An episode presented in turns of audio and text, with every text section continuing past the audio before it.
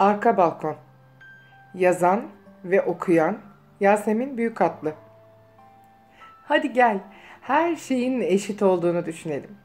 Herkes aynı boyda, herkes aynı kiloda. Herkes aynı gelire sahip. Herkes aynı hayallere. Ve elbette herkes aynı acıya, aynı kedere. Seçme hakkın yok. Her şey zaten senden çok önce belirlenmiş. Hiçbir şey sana özel değil. Sürpriz yok, sevinç yok, risk yok, korku yok, heyecan yok. Ne olacaksa, ne olduysa o herkes için. Düşün. Ne önemi kalır saçın uzun mu kısa mı? Ne önemi kalır tenin beyaz mı kara mı? Ne önemi kalır görmenin, duymanın? Ne önemi kalır yürümenin, koşmanın? Bir gün pencerene bir güvercin konsa mesela. O orada küçük bir yuva yapsa, bir de yumurta. Tüyü tenine dokunur. Gübresi burnunu yakar. Güvercinin orada olduğunu bilirsin. O her yerdedir. Sanki bilerek dağıtır etrafı. Buralar benim yerim demek hatta imza atmak için gibi. 2-3 hafta sonra başka bir telaşın sesini duyarsın. Yumurtalar çatlamıştır. Yavrular çıkmıştır. Anne ve baba güvercin yavrularına kursak sütü verir. Hissedersin.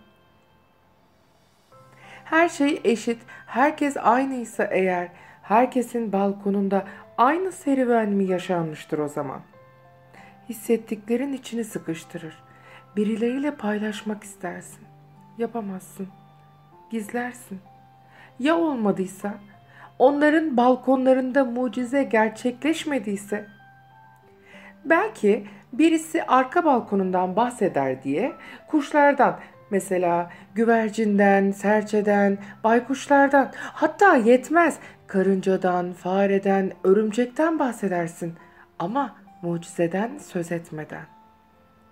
Korkarsın ya sen farklıysan diye. Belki de farklı olmaktan korkmazsın da onların farklılıktan korkup senden uzaklaşmalarından korkar, susar, saklarsın mucizeleri. O kadar sığınır tutunursun ki kendi yalanına, arka balkonundaki mucizenle yalnız kalırsın. Korkuların seni zapt eder, ona itaat edersin. Konuştukça onlarla hiç duymazsın benzer mucize hikayeleri. Benzer hikayeler duymak, birbirinizin aynı olduğunu bilmek istersin. Ama olasılıksızdır onlar için bu mucize. Belki de ondandır bahsinin bile geçmemesi. Farklısın. Belki özel.